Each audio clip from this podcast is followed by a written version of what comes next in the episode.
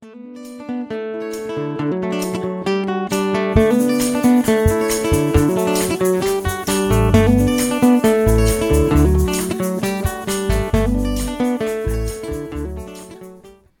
är det jul och försäkringsåret går mot sitt slut. Det här året har ju präglats av både hemska världshändelser och tuff ekonomi. Och även vi på Konsumenternas försäkringsbyrå har haft ett innehållsrikt år. Så många konsumenter som vi har kunnat hjälpa med deras försäkringsfrågor. Och så startar vi den här försäkringspodden också. Nu när vi ska njuta av julen i våra hem, då vill vi ändå göra alla lite uppmärksamma på att det finns särskilda risker just den här årstiden och hur olika försäkringar kan stötta dig om olyckan skulle vara framme. Med mig i studion idag finns Anna-Karin Baltzar Danfors som är chef på Konsumenternas försäkringsbyrå och Gustav Jonsson som är jurist på byrån. Välkomna båda två! Tack så mycket! Tack så mycket! Trevligt att ha er här.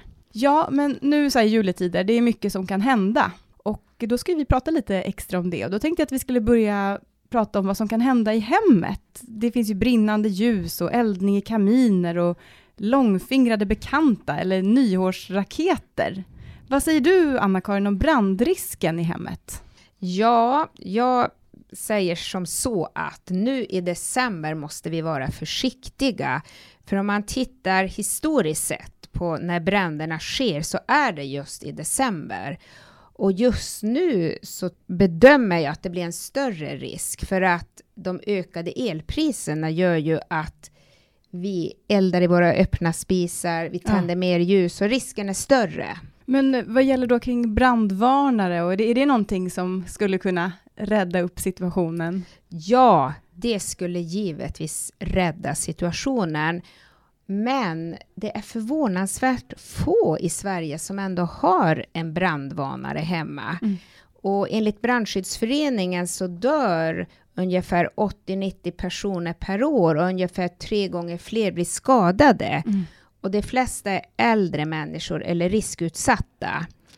Då så, förstår man ju verkligen hur viktigt det är att man har en brandvarnare hemma. Ja, och då tänkte jag, eftersom det här är Försäkringsbyråns julspecial, så mm. skulle jag vilja rekommendera alla att kolla för det första om ni har en brandvarnare hemma och har ni inte en sån och ingen brandfilt, så ge det i julklapp till nära och kära eller till dig själv. Det var ett väldigt bra mm, julklappstips. Hur gäller, nu är det ändå försäkringspodden. Hur gäller försäkringarna vid brand då, då? Ja, som tur är så har ju nästan alla i Sverige en hemförsäkring och den gäller för dina, alla dina saker om det börjar mm. brinna. Men om du bor i en villa eller bostadsrätt, då måste du också ha en villa eller en, och, eller en bostadsrättsförsäkring. Mm.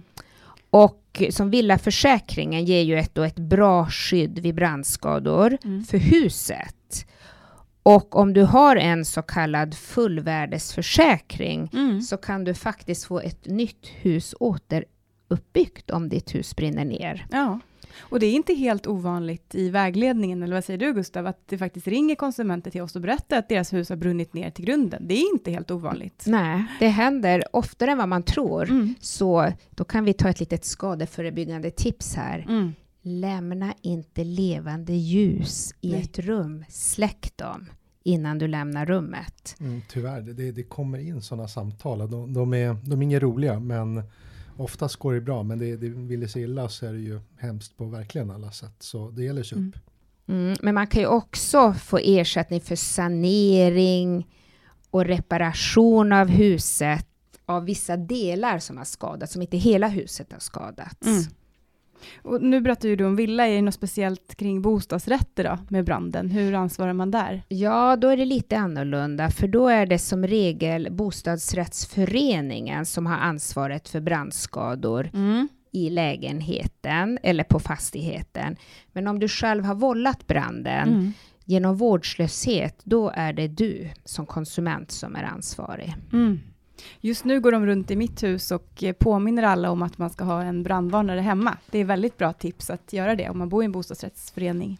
Dina saker då? Ska vi prata lite om dem? Nu har ju du berättat om hemmet. Om man då till exempel har glöggfest, för det är sånt som man får gå på mycket nu, och julmiddag eller nyårsfest, och det är en gäst som stjäl någonting. vad händer då? Hur ger för hur, vad, Ja. vad får man för skydd från försäkringen? Ja, man kan ju undra hur bra kompis det var, Ja. men, men sådana finns väl tyvärr. Och, och, tyvärr så är det väl svårt att få ersättning när det är stulet på en fest, när det är någon man har släppt in. Man Mm. kan inte räkna med att få ersättning. För är det någon man släpper in frivilligt så, så är det undantag med försäkringen. Det skulle ju vara om det är hot om våld eller Mm. eh, våld för att ta sig in. Men annars, har du liksom släppt in någon i hemmet så, så gäller inte hemförsäkringen för sådana stölder. Okej, så det är viktigt att man har koll på vilka man bjuder hem på fest? Ja, och, och sen kan det ju vara en, under en fest att det kanske är dörren öppen och någon smiter in, alltså Ja. någon helt objuden gäst. Så att säga. Vad händer då? då? Ja, Hur- då, då är det ett aktsamhetskrav att Mm. dörren ska vara låst. Okej, Så då, då blir det teoretiskt, det är ju fortfarande ett inbrott, en stöld, Mm. men det kanske sätts ner med, med liksom 25 eller 100 procent. Så det kan vara att i teorin ersättning, men i praktiken inte. Det, det blir ju också bevissvårigheter då. ja. Om, om liksom, hur ska man visa att det har skett? Vem har Just stulit? Det tror jag blir jätt, kan bli svårt. Okej, det var stöld. Mm. Men det kan också hända olyckor i hemmet. Eh, och vad händer då till exempel om julgranen skulle välta eller, och skada paketen eller något annat? Ja, det där är ju en ganska typisk plötslig och oförutsedd händelse. Något, Mm. något man nog inte kan räkna med. Och då vill det till att man har en allrisk i sin Mm. hemförsäkring. Och, och det har man om man har en stor försäkring. Men det finns an, annars som tillägg.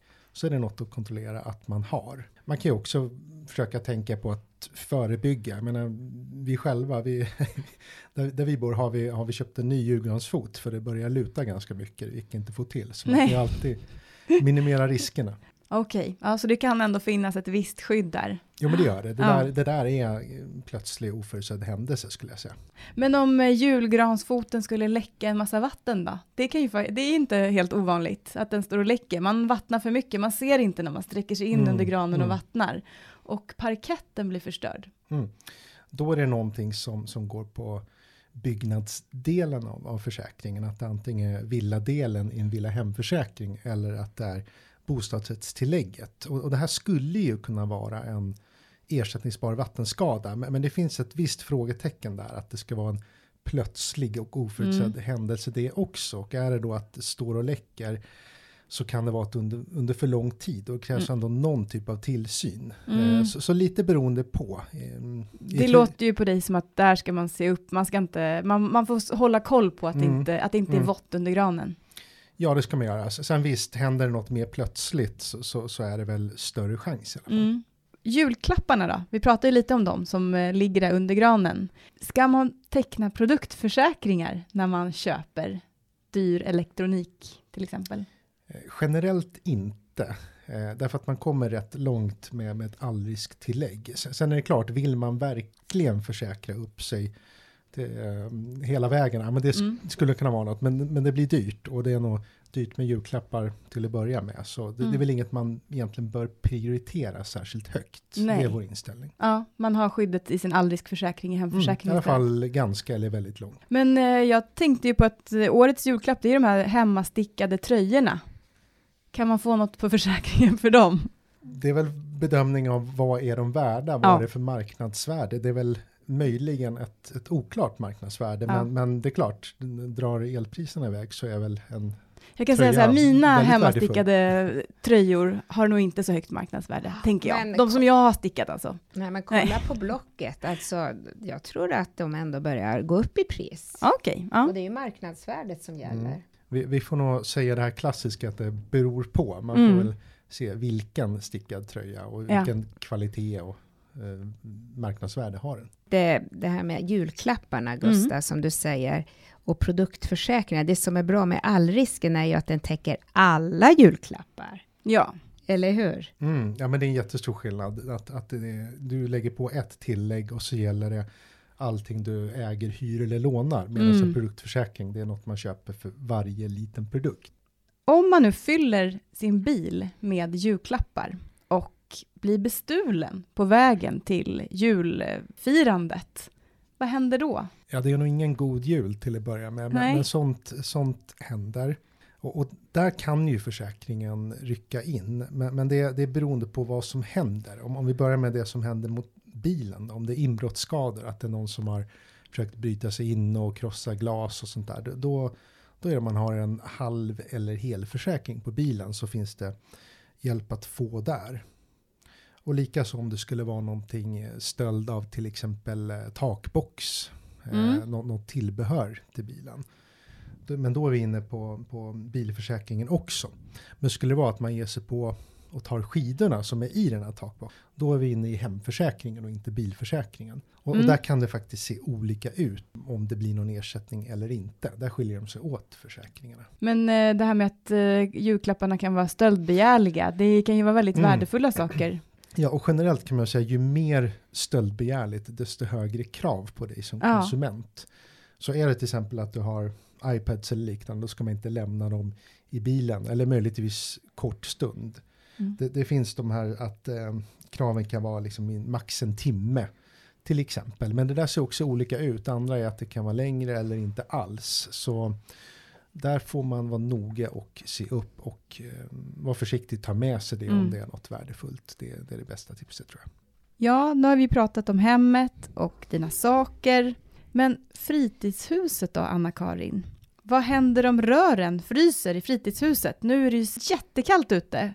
Och det är jättekallt och det är dyra energipriser. Ja. Så nu är det faktiskt risk och jätteviktigt att ni alla som lyssnar på podden tänker till här. Mm. För att om man har för låg temperatur i sitt fritidshus, då kan försäkringsbolaget sätta ned ersättningen. Mm. Och som Gustav sa tidigare så är det i fjärdedelar. Så det mm. kan vara från 25 procent mm. till noll. Men då är det så här att antingen så ska man ha 15 grader mm. och det är lite olika mellan försäkringsbolagen. En del bolag säger att det är okej okay att ha kallare i alla rum utom köket och badrummet. Mm, där det finns vatten. Ja, mm. så där måste man ha 15.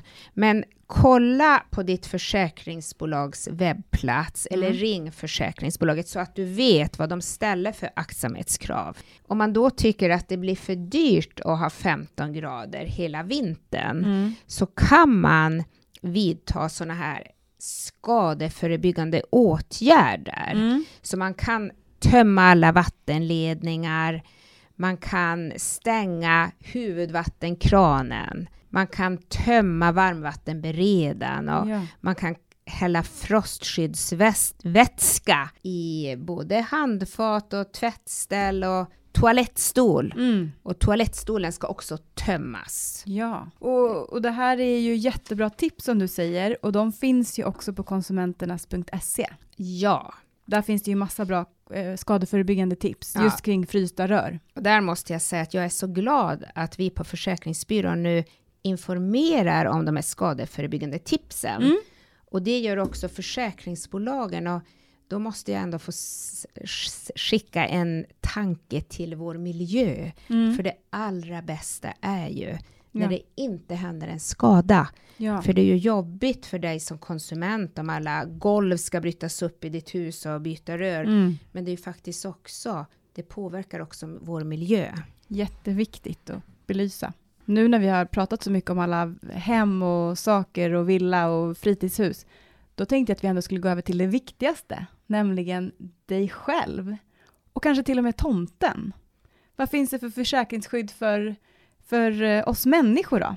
Vad händer till exempel om tomten eller någon annan gäst ramlar och bryter benet för att man har sandat för dåligt utanför sitt hus? Vad säger du Gustav? Då blir ju på något sätt den första frågan vad, vad tomten eller gästen har för olycksfallsförsäkring. Så, mm. Eller snarare olycksfallsförsäkringar. För har man flera så ska man anmäla till flera. Och det går inte med automatik utan de måste man leta upp och anmäla till själv. Mm. Och det är ju en, en viss ersättning, täcker kostnader och kan finnas bestående besvär. Men om det där skrivs ner eh, i takt med ökad ålder så är det tomtar med liksom vitt skägg på riktigt så, mm. så kan ersättningen vara lägre än, än ja. annars. Inte alla. Försäkringar faktiskt. Alltså, Ah. eh, där, där vill jag ändå också Mm. lyfta vår Mm. jämförelse av olycksfallsförsäkringar. För att ja, åldern kan påverka din olycksfallsförsäkring, men en del är ändå ganska generösa även för äldre personer. Just det, sant. Ja, men det, är, Ja. det är bra att kolla vad man har där för olycksfallsförsäkring. Ja, så det är alltså viktigt att Mm. gästerna och tomten har tecknat egna olycksfallsförsäkringar eller omfattas av någon, Ja, sin arbetsgivare eh, eller Ja, precis. Skola. Det är ett spår Mm. och sen ett parallellt spår som man också ska kanske köra. Det är det här med ansvarsskada. Om det skulle vara så att, jag vet inte om du sa det, om man sandade för dåligt. Ja, precis. Man har struntat helt. Man har haft fullt upp Mm. med eh, julbaket, så man har inte haft tid att sanda. Ja, och då blir ju frågan, vad, vad skulle man ha gjort? Var Mm. är rimligt att man hade sandat och liksom försökt förhindra skador? D- Då blir det också en skillnad om det är en sån här extern tomte, nå- någon, någon gäst som, som åker runt och lämnar paket. Då, Mm. då, då kan den eventuellt kräva ett skadestånd då, Mm. därför att det var för dåligt sandat. Mm. Däremot om man själv går ut eh, och ramlar, då kan man inte kräva skadestånd mot sig själv riktigt. Nej. Så där blir en skillnad. Mm. Det är ju så även när kommunen är, har slarvat med sandningen, då, det finns ju en möjlighet där att få ersättning och kräva det. Man det ska ju- finnas nå- någon typ av vårdslöshet. Ja. Och där blir ju frågan, vad, vad kan man begära att Ja. man skulle sandat? Så, så det blir en, blir en bedömningsfråga. Ja, man ska ju fotografera skadeplatsen och Mm. eh, i alla fall testa och begära ersättning. Ja, och det kluriga där, att det kanske inte är det man först tänker på när man har brutit benet. Nej. Men, men, Fram med kameran ju- här, jag ligger med ett brutet Ja. lårben. Fram med men man kameran. kan ju eh, på något sätt dokumentera, om Ja. inte annat i efterhand. Men eh, om tomten då, som går från hem till hem, plötsligt så brister någonting, någon muskel eller sena, Mm. kan tomten ta, även då begära ersättning från sin Mm. olycksfallsförsäkring? Då kan vi gå in på vad är ett olycksfall? Mm. Och, och det ska vara ett eh, plötsligt yttre våld. Och det kan ju vara, säg att du ramlar ner i marken, då, då är det yttre att din kropp slår i marken. Mm. Och, och det räcker för att du ska ha ett olycksfall. Men, men däremot om man får mer allmänt ont i ryggen av tunga paket och det är inte Mm. första året som man går och delar ut, då, då är det mer något som inte är ett olycksfall. Anna-Karin, vad säger du här om tomten och, och säcken? Hade du något att tillägga där? Ja, jag säger om tomten då tappar säcken Mm. så att det blir ett yttre våld, Mm. då är det ett olycksfall. Eller Ja. om tomten snubblar på en gren Ja, som sticker ut, eller en liten en hård snöboll som har fryst. ja, Då är det ett olycksfall. precis. Men inte om det bara blir av sig själv problem med ryggen. Nej, det är inte jätteenkelt att svara på det här. Det bästa är väl ändå om tomten anmäler till sin olycksfallsförsäkring, så får bolaget utreda. Bra. Mm. Mm. Ja, men så här i juletider är det också många som beger sig ut på resor. Vad händer då om man skulle bli sjuk? Vi säger att man blir matförgiftad innan man ska, kommer iväg på resan. Anna-Karin, vad säger du? Ja, usch vad jobbigt att Ja, bli matförgiftad. Ja. Men det som är bra, det är att det finns ett avbeställningsskydd i mera omfattande hemförsäkringar och även i kortförsäkringen. Men det krävs ett läkarintyg och då kan man ju fråga sig hur gör man om man då är matförgiftad? Ja, Ska man åka in? Om man säger matförgiftning smittar ju i alla fall inte. Det är ju nej. så kanske läkaren tar emot den. Mm. Ja, så, Mm. men i vilket fall som helst så tycker jag att man ska, man kan ju, det bästa är ju om försäkringsbolaget då godtar en, en appläkare. kan ju Mm. vara lättare om man ligger hemma och, och är så dålig. Men det får man ju kolla med sitt försäkringsbolag. Ja. Det kan ju bli lite stressigt där då. Men, eh, och sen måste man ju då ha ett läkarintyg där det Mm. framgår diagnos och datum. Och, Mm. Och att läkaren avråder från resa. ja, Det är ju väldigt viktigt. det är det allra viktigaste. Så det här får man, trots att man är dålig, kämpa på lite för att få det här läkarintyg. Så, och det ska ju också, det, det som brukar vara bra är ju att det framgår att man inte haft sådana här problem tidigare. Det kan ju Ja. komma lite såna, vad ska vi säga? Innan, problem innan man, innan man köpte resan, ja. Ja. Mm. Men börja med diagnos och Mm. att läkaren avråder.